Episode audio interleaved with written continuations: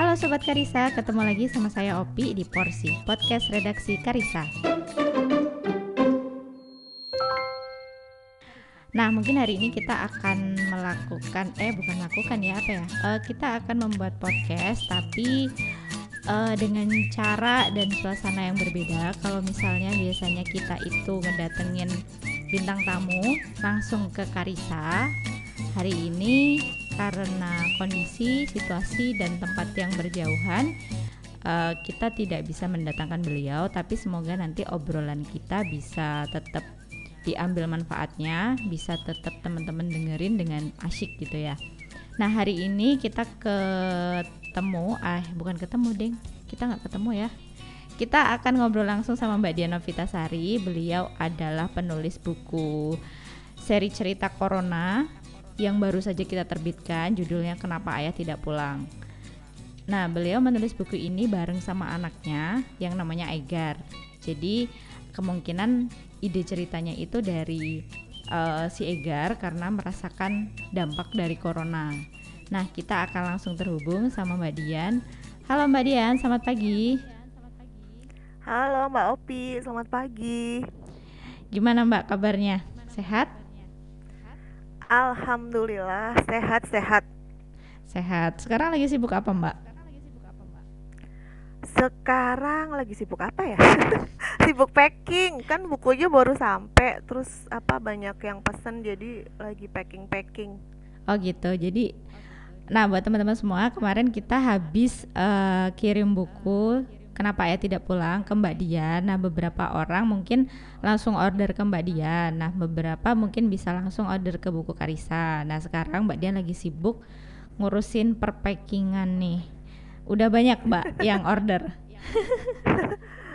Lumayan sih, mungkin karena ini ya apa pada penasaran juga mm -hmm. uh, apa uh, kok bisa gitu. Aku nulis bareng Egar gitu mm -hmm. karena apa biasanya kan uh, kalau untuk buku-buku yang diterbitin gitu aku nulis sendiri atau kalau enggak duet sama temen ini kok sama Egar gitu jadi oh, pada ya. penasaran mungkin ya oke okay. sebenarnya awalnya uh, ide ini dari mana sih Mbak? Kok bisa gitu uh, Mbak Dian sama Egar berkolaborasi untuk melahirkan buku ini? Gimana ceritanya? Coba ceritain dulu latar belakang terjadinya gitu.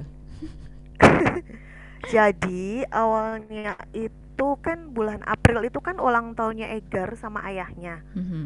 Nah terus uh, kan ayahnya duluan tuh yang ultah. Mm-hmm. Terus uh, pas itu itu ayahnya nggak bisa pulang gitu loh terus uh, Egar tuh pengen kasih kado ke ayahnya cuman kan karena ayahnya nggak bisa pulang terus kita juga mikir apa sih mau kirim apa? Terus yang berkesan apa ya? Gitu. Mm-hmm. terus akhirnya ini kita tuh kayak cerita-cerita gitu loh. Ah sayangnya ayah nggak bisa pulang. Kenapa sih bubu ayah nggak bisa pulang? Gitu. Ya kayak di buku itu kayak ngobrol gitu. Terus aku mikir e, bang kalau kita bikin cerita aja gimana? Yang tadi kita obrolin gitu. Terus mm -hmm. Egar oh iya iya iya gitu. Bubu baru tulisin ya gitu. Jadi ya udah. Terus akhirnya kita bikin cerita itu buat kado ke ayahnya yang ulang tahun pas April Oh gitu, jadi ceritanya karena uh, Egar pengen memberikan sesuatu ke ayahnya di hari ulang tahunnya, terus nggak bisa ketemu, iya. akhirnya terlahir cerita mm -hmm. itu. Nah, iya. Terus ini kemarin ketika kita mau buat ini kan kita proofing dulu nih ilustrasinya. Ketika Egar hmm. lihat ilustrasinya gimana, Mbak? Ekspresinya dia kayak gimana tuh? dia komen ini sih soal ayahnya. Hmm. Kok ayahnya jadi ganteng banget? Aduh, apakah dia tidak mengakui bahwa ayahnya ganteng? ayahnya sampai kesel, diem aja gitu deh. ayahnya ikut proof juga waktu itu. lihat sih dia ayahnya cuma oh terus aku bilang eh ini kata Egar ayahnya terlalu ganteng gitu. Cuma kasih emoticon doang. Nggak jawab apa-apa. Terus gimana Mbak? Uh, maksudnya respons Egar ketika lihat wah buku uh, cerita aku nih kok ya bisa jadi buku ya? Gitu cerita aku sama Bubu gitu gimana? Uh, dia responsnya ketika tahu akhirnya ceritanya itu dia, akan dibukukan? ya dia senang banget sih mbak. Terus dia cerita cerita ke mbahnya ke saudara-saudaranya gitu dia bilangnya bahasanya dia tuh ini aku jual buku oh ya gitu. iya ceritaku apa aku mau jual buku gitu gitu terus mm -hmm. uh, apa ya cerita gitu gitu doang sih seneng banget sih dia mm -hmm. karena okay. kan dia seneng baca ya jadi dia happy banget oh, lihat bukunya gitu. kemarin udah jadi oh jadi si uh, Egar ini emang punya hobi baca gitu ya iya dia tuh dari dari bayi emang apa uh, selain makan yang dia mm -hmm. suka tuh buku jadi kalau misalnya makan. bangun tidur pun Iya mbak, pas kecil kan dia emang makannya banyak. Uh, nah, terus, terus yang paling dia suka tuh buku. Jadi mm -hmm. kalau bangun tidur itu tuh yang dicari dia buku gitu. Terus pas udah mulai bisa ngomong pun dia tuh apa sih orangnya tuh seneng banget cerita gitu loh, mm -hmm. ngobrol sama orang gitu. Terus apa aku waktu itu tuh ngeliat tuh kayaknya kok ceritanya ini ya maksudnya udah ada alurnya udah ada ini. Terus mm -hmm. akhirnya aku kadang suka ajakin dia untuk bikin cerita karena dia belum melancar nulisnya aku yang nulis dia yang ngomong gitu. Oh gitu. Jadi emang dari mm -mm. oke okay, aku runutin ya. Berarti dari kecil itu uh, Mbak Dian membiasakan atau mungkin membacakan buku-buku ke Egar juga gitu? Iya oh gitu. Jadi emang itu sih karena apa sih dulu kan karena aku masih kerja ya, mm-hmm. jadi maksudnya aktivitas yang paling bisa sering dilakukan dan paling bisa apa waktunya ada itu ya mm-hmm. bacain cerita gitu. Oh dan gitu. Nah, tuh seneng banget dibacain cerita. Jadi makanya apa sih? jadi bisa ngomong jadi gitu, bisa jadi ini ya, cerita, cerita gitu. juga gitu. gitu. Oke, okay, nah terus dari dia uh, sering dibacain buku, akhirnya dia terbiasa sama buku, terus dia mulai belajar bercerita dalam arti uh, bikin cerita terus Mbak tulis itu sejak usia berapa? Sejak usia berapa ya? Mungkin sejak tiga atau empat tahun yang lalu ya. Berarti dia usia tiga atau empat tahun gitu atau loh. tahun ya, oke. Okay. Itu ha sebelumnya emang dia karena suka coret-coret tuh. Uh -uh, oke. Okay. Kenapa? Itu emang karena ya, biasanya suka coret-coret. Uh, aku apa? itu karena emang biasanya Mbak uh, apa namanya uh, sering nulis atau sering cerita terus jadi dia pengen buat cerita juga atau gimana?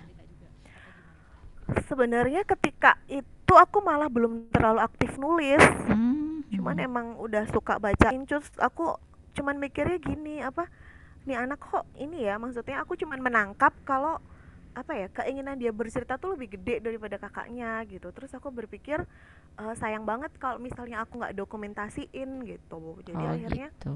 uh, kadang aku tulis gitu. Terus apa sih uh, awalnya sih kayak misalnya dia coret-coret terus aku tanya kamu bikin apa? gitu. Nah dia tuh ntar ceritanya panjang nggak cuman sekedar oh ini ayam misalnya gitu. Enggak dia kan cerita oh ini ayam ayamnya kayak gini-gini terus apa jadi ada tokoh lain ada apanya terus aku amatin kok udah ada toko udah ada setting udah ini udah jadi ceritanya gitu terus mm -hmm. akhirnya ya udah sejak saat itu aku tulis di apa di kertas yang dia gambar selalu jadi cerita gitu kalau mm -hmm. dia gambar nggak cuman satu judul gitu tapi dia pasti akan ngomong banyak jadi akhirnya sejak itu kalau untuk Egar kalau dia cerita gitu atau mm -hmm. apa tuh seringnya aku tulis oh, kayak gitu. misalnya kita jalan-jalan aja tahu-tahu okay. ntar dia ngomong e, bubu lihat itu apa uh, pohon jagungnya baris ya eh tapi tahu nggak kadang tuh tiba-tiba ada tikus dia jadi kayak gitu tuh loh jadi langsung jadi, berimajinasi akhirnya, gitu ya iya uh, uh, terus apa kosakatanya gitu mm -hmm. vocabnya pilihannya kadang juga uh, buat aku untuk anak seusia itu waktu itu tuh kok lumayan beda gitu mm -hmm. jadi akhirnya ya udah biar terdokumentasikan akhirnya sering aku tulis gitu mm -hmm. oke okay. Terus biasanya kalau Eger itu sukanya uh, cerita ceritanya cerita tentang apa sih Mbak? Mungkin maksudnya kayak uh, cerita tentang hewan atau cerita tentang apa gitu. Yang biasa dia sering ceritain gitu atau emang cuma spontan aja misalnya dia melihat suatu kejadian terus dia bercerita gitu. Dia sih paling tertarik sebenarnya sama hewan, Mbak. Oh, sama hewan ya? Iya, dia suka ngamatin hewan gitu. Jadi kalau paling gampang bikin cerita kalau tentang hewan karena kan apa buat risetnya gitu gitu jadi kan aku emang karena dia udah gede gitu kalau mau bikin cerita aku ajak dia riset juga kayak kemarin mm -hmm. uh, kita nulis yang corona ini juga mm-hmm. aku emang sebelumnya bacain dia informasi tentang corona gitu mm-hmm, jadi dia hmm, tahu gitu. oh kenapa kenapa gitu jadi kalau misalnya tuh apa cerita sih dia paling suka hewan ya karena dia paling suka hewan suka banget hewan dia pokoknya dia tuh. Jadi uh, apa namanya untuk membuat cerita itu biasanya emang udah dibiasain gitu ya dari dulu ya. Dari mulai baca dan iya. segala macam kayak gitu ya mbak ya? Iya emang emang udah dibiasain.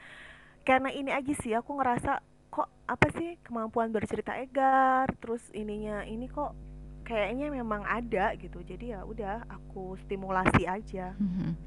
oke terus kalau uh, kemarin ketika buat cerita corona ini uh, sebenarnya ada nggak sih sesuatu yang pengen Egar sampaikan gitu kan secara nggak langsung? Uh, dia bilang nggak sama Mbak Dian misalnya uh, ya udah deh aku sedih nggak ketemu ayah tapi nggak apa-apa uh, teman-teman juga harus nggak apa-apa ya misalnya kayak gitu. Dia ada sempat ngomong nggak uh, cerita ini pesannya tuh apa? kayak gitu kalau dia sih mungkin ketika bikin cerita ini lebih ke apa ya sebenarnya itu lebih ke pesan ke ayahnya sih gitu. Hmm, gitu. Uh, karena waktu itu ayahnya kan sempet kan apa aku tetap pulang aja mm -hmm. gitu. Terus uh, makanya terus karena kita udah baca-baca apa info-info gitu terus sebenarnya cerita itu tuh lebih ke pesan ke ayahnya kalau nggak usah pulang dulu deh Egar biarpun sedih nggak apa-apa gitu loh biar yang biar semuanya sehat gitu tapi kalau misalnya Egar lihat uh, cerita-cerita uh, sebelumnya kan Egar dibacain tentang uh, corona gitu ya terus. Egar juga Mbak kasih tahu tentang uh, kondisi di luar terus uh, bagaimana orang-orang juga harus nahan kangen kayak gitu juga hmm, iyalah Iya, maksudnya aku juga bilang maksudnya itu tuh kita tuh nggak nggak sendiri, maksudnya banyak orang yang kayak kita juga gitu.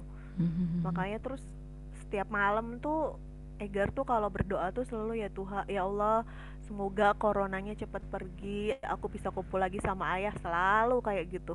Jadi hampir hampir hampir 100% yang, yang ada di buku ini tuh bener-bener Egar lakuin gitu ya mbak ya? Iya makanya maksudnya ketika ngelihat apa ilustrasinya ayahnya beda dia kayak hah kok bukan ayah? gitu. Terus aku bilang kalau iya emang ceritanya cerita ayah sama Egar. Cuman kan namanya buku ilustrasinya tuh bisa dibikin beda. Aku bilang gitu. Jadi sesuaikan gitu ya. Oke. Okay. kalau uh, tadi kan mbak sempat bilang bahwa uh, meskipun membuat cerita itu pasti dia melakukan riset gitu kan. Nah uh, ada nggak sih mbak tipsnya buat anak-anak yang mungkin dia tuh suka sebenarnya suka baca suka bikin cerita -hmm. terus biar dia tuh mau melakukan riset kadang kan kalau anak tuh masih senengnya berimajinasi aja ya maksudnya cuma ngayal-ngayal kayak gitu loh gimana hmm. uh, ngebiasain si Egar untuk mau juga buat melakukan riset kayak gitu Oh, kalau aku sih lebih ke gini, kalau misalnya Egar mau bikin cerita apa, misalnya gitu kan. Hmm? Terus waktu itu dia sempat bikin cerita tentang burung hantu misalnya. Oke. Okay. Uh, burung hantu gitu. Terus aku pernah lihat di video gini gini gini gini. Oke, sekarang kita cek ya, kita punya buku burung hantu enggak? Yang Egar mau tulis apa sih? Emang biasanya tak kayak gituin sih, Mbak. Oh, Jadi gitu. maksudnya emang heeh uh, dan Egar juga paham maksudnya dia ngelakuin itu biar yang dia tulis itu benar gitu oh, okay. mungkin juga karena dia terbiasa lihat aku kalau misalnya nulis gitu kan aku selalu uh, kayak misalnya kemarin pas aku nulis buku serangga itu mm-hmm. aku kan juga bacain ke dia terus karena dia kan memang suka hewan kan dia sempat mm-hmm. agak protes misalnya kok kayaknya nggak kayak gitu deh bubu kalau si serangga ini coba kita cari lagi jadi emang udah terbiasa untuk kayak cek dan recheck gitu loh oh gitu jadi udah dibiasain mm-hmm. gitu ya misalnya mau bikin uh-uh. cerita apa yuk kita cari dulu bukunya tentang ya, ini bener nggak kayak dulu, gini gitu, gitu ya uh-uh, uh-uh terus kadang kan di buku satu yang ini kan beda gitu. Terus kita bisa cari oh yang paling ini kayaknya yang mana ya? Gitu. Kalau belum cukup kita coba lihat videonya kayak gitu gitu mm-hmm, oke. Okay. terus kalau mbak Dian sendiri dengan melihat uh, kondisi Egar yang suka menulis gitu uh, ada harapan nggak sih kalau Egar itu adalah generasi penerusnya mbak Dian? Ya kalau mau harapan egois ada ya harapan kan egois ya tapi kan maksudnya bagaimanapun itu nanti jalannya Egar mau dia apa sih jadi penulis juga ya nggak mm-hmm. apa-apa mm-hmm. kalaupun enggak juga ya udah gitu cuman yang penting sih aku cuman ngelihatnya uh, ke, dia ada kemampuan untuk bercerita terus aku mm-hmm. kasih stimulasi aku kasih kesempatan gitu mm-hmm. sih uh, Mbak akan melakukan um, maksudnya akan memberikan stimulasi itu kira-kira sampai kapan? Maksudnya sampai dia mungkin sampai SD kadang kan kalau cowok anak cowok gitu kan kadang ketika dia udah agak besar dikit gitu kan udah punya dunianya sendiri gitu iya, kan iya. Uh -uh. nah kira-kira yang paling bisa dilakukan untuk menstimulasi dia itu kira-kira sampai umur berapa sih mbak kalau untuk anak-anak gitu Uh, sebenarnya sih selama mungkin ya, maksudnya kayak Aksa aja masih aku stimulasi buat nulis, buat mm -hmm. review buku gitu-gitu. Jadi karena buat aku tuh mm, ketika ke, apa kemampuan menulis tuh bukan cuman biar kamu jadi penulis gitu hmm. maksudnya kayak membaca dan menulis itu nggak nggak cuman tentang kamu nanti jadi penulis tapi itu kan juga apa sih uh, mengasah kemampuan mengasah bahasa kita ya. terus kemampuan apa sih bernalar gitu gitu kan hmm. termasuk kayak misalnya uh, kamu nggak jadi penulis, mm-hmm. tapi kan kamu juga butuh bisa untuk memahami misalnya kamu kerja di kantor pun kayak memahami surat kontrak, mm-hmm. memahami apa sih kayak job desk apa gitu kan mm-hmm. ketika itu tertulis gitu kan itu kan juga butuh uh, kemampuan itu gitu. Jadi memang itu tetap aku stimulasi sih biarpun dia juga ntar nggak jadi penulis gitu. Hmm, Oke, okay. jadi emang stimulasi tentang membaca dan menulis itu sebenarnya penting banget ya mbak buat anak-anak dan itu bisa dilakukan iya. selama mungkin gitu ya. Iya dan maksudnya kan kayak maksudnya apalagi zaman sekarang ya, mm-hmm. maksudnya di med medsos sekarang kayak baca caption aja buat aku itu perlu kemampuan loh karena oh, maksudnya aku sekali. sering banget posting sesuatu mm-hmm. udah captionnya panjang-panjang ketika ada yang komen yang ditanyain ada di caption gitu. hmm, betul. itu kan ya kan maksudnya menyedihkan lah maksudnya belum lagi tentang hoax dan segala macam hmm. dan itu kan bisa diminimalisir kalau kemampuan apa ya literasi anak-anak kita memadai gitu kan. Iya betul sekali. Oke uh, selanjutnya nih mbak aku mau nanya soal uh, tips bagaimana menulis uh, sebagai penulis pemula misalnya. Uh, mbak mau bagiin tips apa nih buat teman-teman yang baru mau nulis?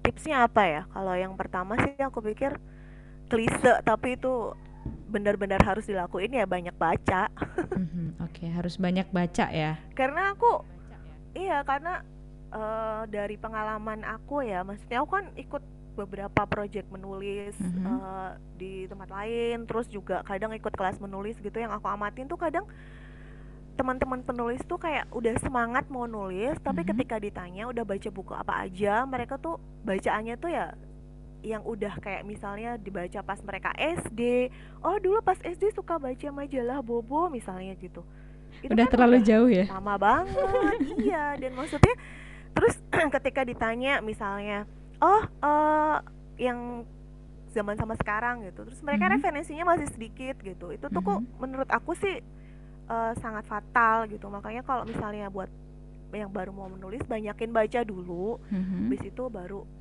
tulis yang banyak mm-hmm, okay. uh, eh, banyak latihan lah gitu. banyak latihan jadi, jadi yang pertama iya. jangan lupa baca pokoknya baca sebanyak mm. mungkin referensi yang iya. perlu kita baca yang kedua iya. latihan terus pokoknya gitu ya iya latihan terus terus habis itu kalau udah jadi kirim deh uh, ke penerbit. Kalaupun ditolak jangan sabar. terus asa kirim lagi kirim lagi gitu. Kalau baru ngirim ke 99 mbak. kali kirim lagi ke 100 kali gitu ya. Iya.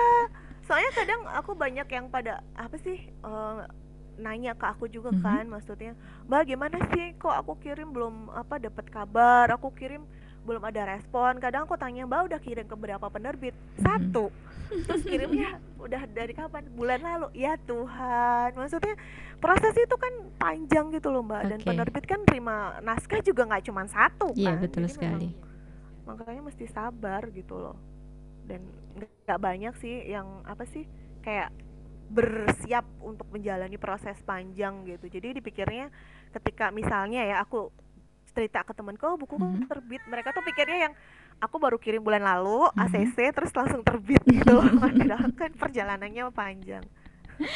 Sangat panjang ya harus dan itu sebenarnya harus di harus jadi bekal untuk semua penulis ya gitu kan. Maksud, maksudnya kadang iya, tuh kan emang uh, teman-teman yang baru nulis itu terlalu berambisi ya. Jadi pengen cepet-cepet iya terbit pengen cepet-cepet lihat bukunya nampang di rak buku di Gramedia atau di toko iya. buku seluruh Indonesia uh, uh. gitu kan iya aduh Jadi siapa ini yang tuh besar gitu loh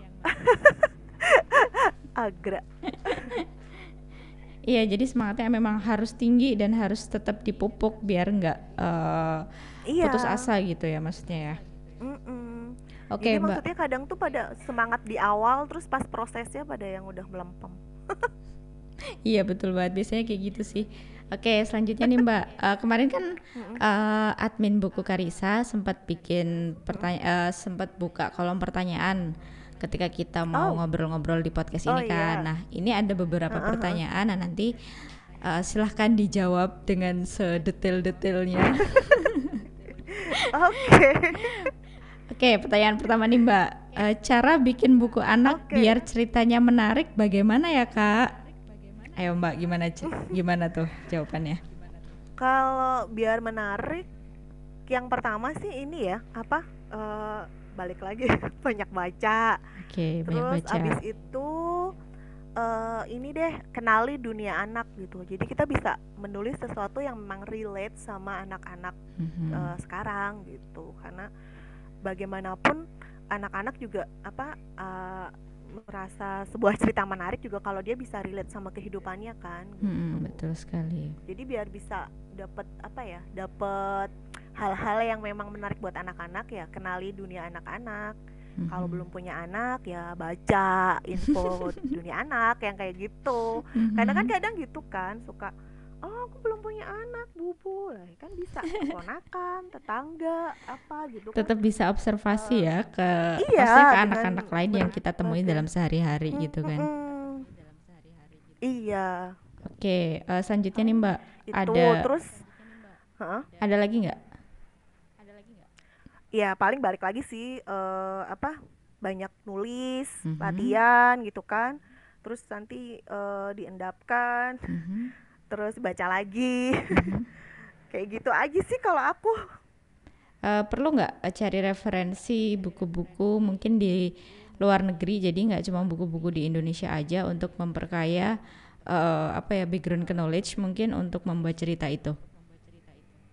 Ya perlu banget. Makanya tadi kan maksudnya baca itu kan juga nggak cuma buku dalam negeri gitu. Mm -hmm. perluas perluas bacaannya sampai buku yang terbitan-terbitan luar negeri juga nggak apa-apa sih. Nggak hmm, apa-apa banget karena kadang apa sih kayak uh, bentuk buku bentuk penyampaiannya kan kadang ini ya lebih variatif ya. Hmm.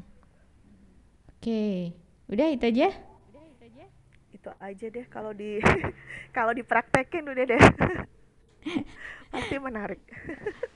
Pasti menarik. Kalau nggak menarik nanti todong mbak dia aja ya boleh oke yang kedua nih mbak uh, buku anak apa yang sekarang lagi banyak dicari? Tahu nggak ke aku ya iya bukannya Maksudnya, harus ke Karisa Iya siapa tahu kan maksudnya Mbak punya karena Mbak juga banyak oh. baca gitu kan maksudnya. Nah ada ada nggak sih? Kadang kan gini uh, ada beberapa reviewer buku atau orang-orang yang mengamati tentang buku itu mereka bisa lihat oh ternyata yang sekarang lagi hits itu buku aktivitas anak nih Mbak gitu kan. Kenapa? Oh karena uh, banyak orang tua yang pengen uh, cari kesibukan buat anak-anaknya di rumah misalnya gitu. Nah kalau dari sudut pandang Mbak Dian sendiri apa nih yang uh, lagi banyak dibicarakan gitu maksudnya? Oh gitu kalau dari apa ya pengamatan aku sih emang mm -hmm. buku aktivitas ya yang lagi banyak dicari karena emang ini kan orang tuh tuh kayak parno panik gitu loh anaknya di rumah kelamaan gitu mm -hmm. kan terus jadi kayaknya gitu sama ini sih buku yang nggak akan pernah lekang ya yang apa sih membentuk apa sih membantu pembentukan karakter anak oh gitu tapi okay. tentu aja dengan apa ya dengan cara yang menarik nggak mm -hmm. yang menggurui gitu itu kayaknya pengenalan karakter kan juga bisa pakai cerita ya mbak ya iya makanya itu maksudnya mm -hmm. cuman kan kadang ada beberapa yang isi pesannya itu terlalu menggurui gitu loh oh gitu oke okay. buat anak juga nggak menarik buat orang tua bikin juga menurut aku uh -uh, karena kadang juga apa ya kalau pesannya terlalu menggurui itu anak-anak jadi ngerasa nggak apa ya mm, nggak nggak deket gitu kan sama uh, okay. ceritanya oke okay. oke okay. Uh, nih ada pertanyaan lagi nih Mbak.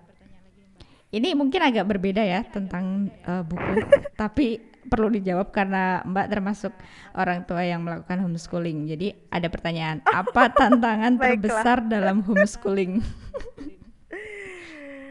ah, tantangan terbesar apa ya? Tantangan terbesar itu konsisten. Oke, okay, konsisten. Konsisten bikinin jadwal. Iya, betul. Konsisten pada jadwal harian itu paling besar sih tantangannya karena maksudnya ketika kita udah skip satu jadwal itu bakalan berpengaruh ke jadwal yang lain. Mm -hmm. Selain itu juga konsisten untuk me ini me menulis uh, apa ya refleksi, lesson plan gitu-gitu mm -hmm. juga tantangan terbesar sih kalau buat aku. Mm -hmm. Karena kadang kan suka mikirnya udah di otak gitu udah yang kayak gini terus ngobrol sama anak oke okay, ya udah besok gini gitu cuman kan kadang nggak ditulis dan kalau udah sekali nggak ditulis itu bisa sampai sebulan akhirnya nggak ditulis itu juga bisa oh gitu makanya okay. konsistensi itu tantangan ya. terbesar iya Nah, jadi uh, perlu teman-teman tahu bahwa Mbak Diana Vitasari ini juga termasuk uh, orang tua yang mengadakan homeschooling di rumah. Jadi bukan hanya beliau sebagai as a mother tapi juga sebagai guru buat anak-anaknya di rumah karena melakukan homeschooling di rumah gitu. Ya, jadi mengapa tadi ada pertanyaan tentang homeschooling gitu. Nah, ini penyambung lagi pertanyaan tadi tentang homeschooling juga. Jadi kenapa pertanyaan malah tentang homeschooling ya? Tapi nggak apa-apa, tetap kita sampaikan. Ya, soalnya kan mungkin banyak yang lagi ini kan, Mbak, lagi mulai tertarik karena masa pandemi jadi akhirnya naik daun gitu ya homeschooling ya. iya bener. Oke ini uh, pertanyaan terakhir nih Mbak tentang homeschooling. Uh, bagaimana kalau orang tua yang pendidikannya pas-pasan harus mengajar anaknya di dalam homeschooling? Gimana mensiasatinya wow. tuh Mbak? Saya juga pendidikannya pas-pasan. Sebenarnya ya apa ketika mau menjalankan homeschooling yang paling utama sih sebenarnya orang tuanya punya semangat untuk uh, belajar mm-hmm. udah itu aja karena maksudnya sepinter apa pun orang tuanya pasti kan dia nggak mungkin bisa semua hal dilakukan sendiri mm-hmm. oke okay. maksudnya tetap butuh pihak lain cuman kan maksudnya kalau homeschooling tuh lebih ke perencanaan mm-hmm. terus apa uh, perencanaan program belajarnya mm-hmm. terus uh, pendampingannya itu kan memang utamanya oleh orang tua gitu. Tapi hmm. kalau misalnya emang orang tuanya nggak bisa ngajarin sendiri, ya dicari sama-sama sumber belajar yang bisa memang mengajarkan hal tersebut gitu loh. Hmm. Jadi buat aku kalau misalnya ngerasa, aduh pendidikanku pas-pasan, nggak apa-apa, itu bisa sambil jalan dipelajari kok. Contoh soal tuh gini, aku tuh orangnya sangat nggak telaten kalau untuk bikin art and craft mm-hmm. atau untuk bikin DIY gitu. Mm-hmm. Cuman karena memang maksudnya dari awal aku pengen belajar terus mm-hmm. uh, nemenin anak-anak belajar bikin kayak gitu lama-lama juga ya terasah lah bukannya aku jadi jago banget mm-hmm. gitu tapi paling nggak udah nggak males banget kalau disuruh bikin-bikin gitu mm-hmm. gitu tuh buat aku ketika emang mau homeschooling nanti memang yang belajar nggak cuman anaknya orang tuanya juga. Mm-hmm, oke okay, betul jadi nggak masalah ya Jadi, ya tentang background hambatan. pendidikan enggak, itu ya? enggak sangat enggak even misalnya ada banyak yang bilang ah bu, apa mbak Dian bisa karena dulu guru. Nggak harus jadi guru dulu gitu. Kalau misalnya emang mau belajar gitu tuh bakal bisa kok gitu. Nggak okay. nggak harus yang gimana gimana. Asal orang tuanya mau belajar mau berproses bareng anaknya udah itu udah syarat yang utama udah itu aja kok mau belajar sama-sama intinya ya jadi sebelum ngajarin ke iya. anak orang tuanya belajar dulu deh tentang materi itu dan baru dia akan uh -uh. menyampaikan ke anaknya karena guru pun iya, semua di kalau, di mana pun juga pasti sama kan kayak gitu kan iya sebenarnya kan kayak gitu terus kalau misalnya emang tetap nggak bisa jujur aja sama anaknya mm -hmm, oke okay. gini aja deh aksa itu bisa masak mm-hmm. lebih bisa daripada aku malah. Mm, Oke. Okay. dan ketika misalnya aku coba resep dan aku tanya ke Aksa gitu, terus dia ngasih masukan kayaknya kurang ini nih ya, aku terima. Emang mm, karena okay. memang aku lebih nggak bisa daripada Aksa gitu. Mm-hmm. Jadi buat aku nggak apa-apa sih uh, termasuk kayak mengakui kelemahan kita mm-hmm. gitu tuh nggak apa-apa banget mereka malah jadi bisa paham kalau misalnya mm-hmm. orang punya itu bukan makhluk sempurna, mm-hmm, kadang betul. juga melakukan kesalahan, ada kekurangan mm-hmm. dan ketika kita mau mengakui, mau belajar, mereka juga bisa belajar bahwa oh berarti nanti kalau aku ada kelemahan, ada ada kekurangan, nggak apa-apa kalau aku mm-hmm. mengakui itu gitu. Oke. Okay. Ya apa -apa itu tadi uh, beberapa pertanyaan yang emang ditanyain via Instagram Buku Karisa. Nah sekarang Mbak uh, kita akan kembali lagi tentang buku Corona. Uh, eh, okay. Dari buku ini, ya jadi ini sudah kita akan memasuki tahap akhir. Oke, okay, jadi uh, dari buku yang Mbak dan Egar tulis, uh, apa yang pengen Mbak sampaikan ke sobat Karisa semua? Uh, sebenarnya uh, hal yang selain tentang corona ya, selain mm -hmm. bahwa maksudnya memang uh, ada beberapa beberapa keluarga yang harus terpisah aku juga sebenarnya pengen ngajak ke orang tua bahwa kadang tuh ketika anak-anak sedih gitu mm -hmm. tuh uh, menurut aku lebih baik untuk menerima kesedihan mereka mm -hmm. gitu jadi bukannya nggak usah sedih gitu ya hmm. kalau misal kan kalau di buku itu ketika Egar bilang sedih kan juga bubunya bilang bubu juga sedih gitu itu kan kayak semacam empati gitu loh hmm. jadi aku pengen ngajak orang tua untuk belajar berempati juga ke anak-anak. Mm-hmm, Oke. Okay. Terus sarannya buat teman-teman semua, buat orang tua deh, yang tadi kan dibilang kalau ayahnya juga sempat pengen banget pulang, tetap pengen pulang gitu. Apa saran yeah. buat semua orang tua yang mendengarkan ini? Ya, kalau buat semua orang tua, temanin anak-anak yang memang sedang rindu, sedang sedih, ingin mm-hmm. bertemu dengan uh, ayahnya misalnya yang memang terpisah gitu Uh, terus kalau misalnya memang sudah memungkinkan, kalau misalnya mau bertemu pun tetap dikasih apa ya pengarahan ke anak-anak di sounding gimana mhm. protokol mm -hmm. kesehatan yang benar gitu. Mm -hmm. Jadi eh, nggak uh, begitu orang kadang kan ayahnya sampai langsung ditubruk aja gitu mm -hmm. kan. Jadi okay. kasih tahu memang ada beberapa protokol yang mesti diikutin gitu. Iya, oke. Okay.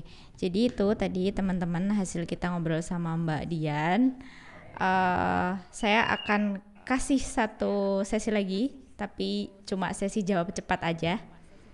Jadi ini nanti aku kasih opsi ya Mbak, dua opsi. Aku, kasih dua opsi terus nanti Mbak Dian pilih. Jawabnya cepat aja. Oke. Oke, yang pertama. Baiklah. Nulis atau masak? Nulis atau masak? Nulis. Langsung teriak nulis. Oke, yang kedua, pictorial book atau illustrated book? Big book dong. Oh, siap. yang ketiga nih, guru atau penulis? Oh my god. Ada dua-duanya nih dalam kehidupan sehari-hari. uh, um, guru atau penulis ya? Ayo apa? Penulis aja deh. Oke, penulis aja. Abis itu besok anak-anak sekolah ya. sekolah di luar. ya tetap di rumah kan sebagai ibu. Oh iya, siap siap. Oke, uh, yang terakhir nih Mbak, cerita bahasa Indonesia atau cerita bahasa Inggris? Oh. Hmm, Aduh. Apa nih? Ayo. bahasa Indonesia aja deh. Cerita bahasa Indonesia. Kalau ada temenku kuliah denger langsung hah? Oh langsung disalah-salahin. Ih kamu gitu. Nggak konsisten gitu.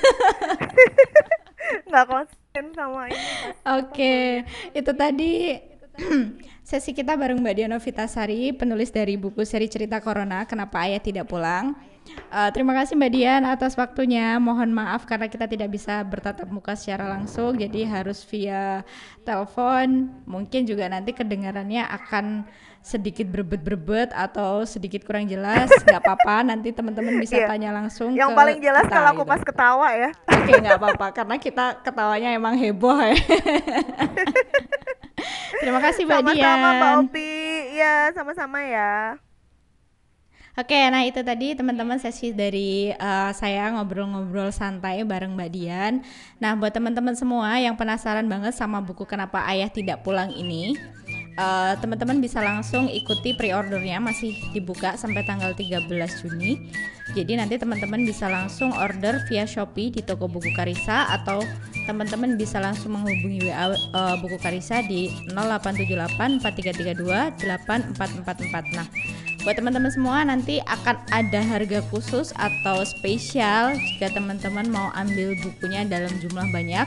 Jadi jangan lupa tanyakan langsung ke adminnya akan ada diskon berapa persen nih kak untuk buku ini gitu ya. Nah buat teman-teman semua uh, stay safe, tetap di rumah aja uh, karena kita juga udah dikasih tahu dari buku ini tahan rindunya sama orang-orang yang kita sayang. Uh, gak ketemu bukan berarti nggak sayang, nggak ketemu malah justru uh, itu tanda sayang kita saat ini gitu ya.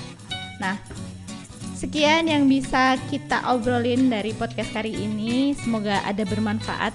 Semoga ada manfaatnya ya buat teman-teman semua yang stay at home. Uh, sampai ketemu lagi di episode selanjutnya. Bye bye.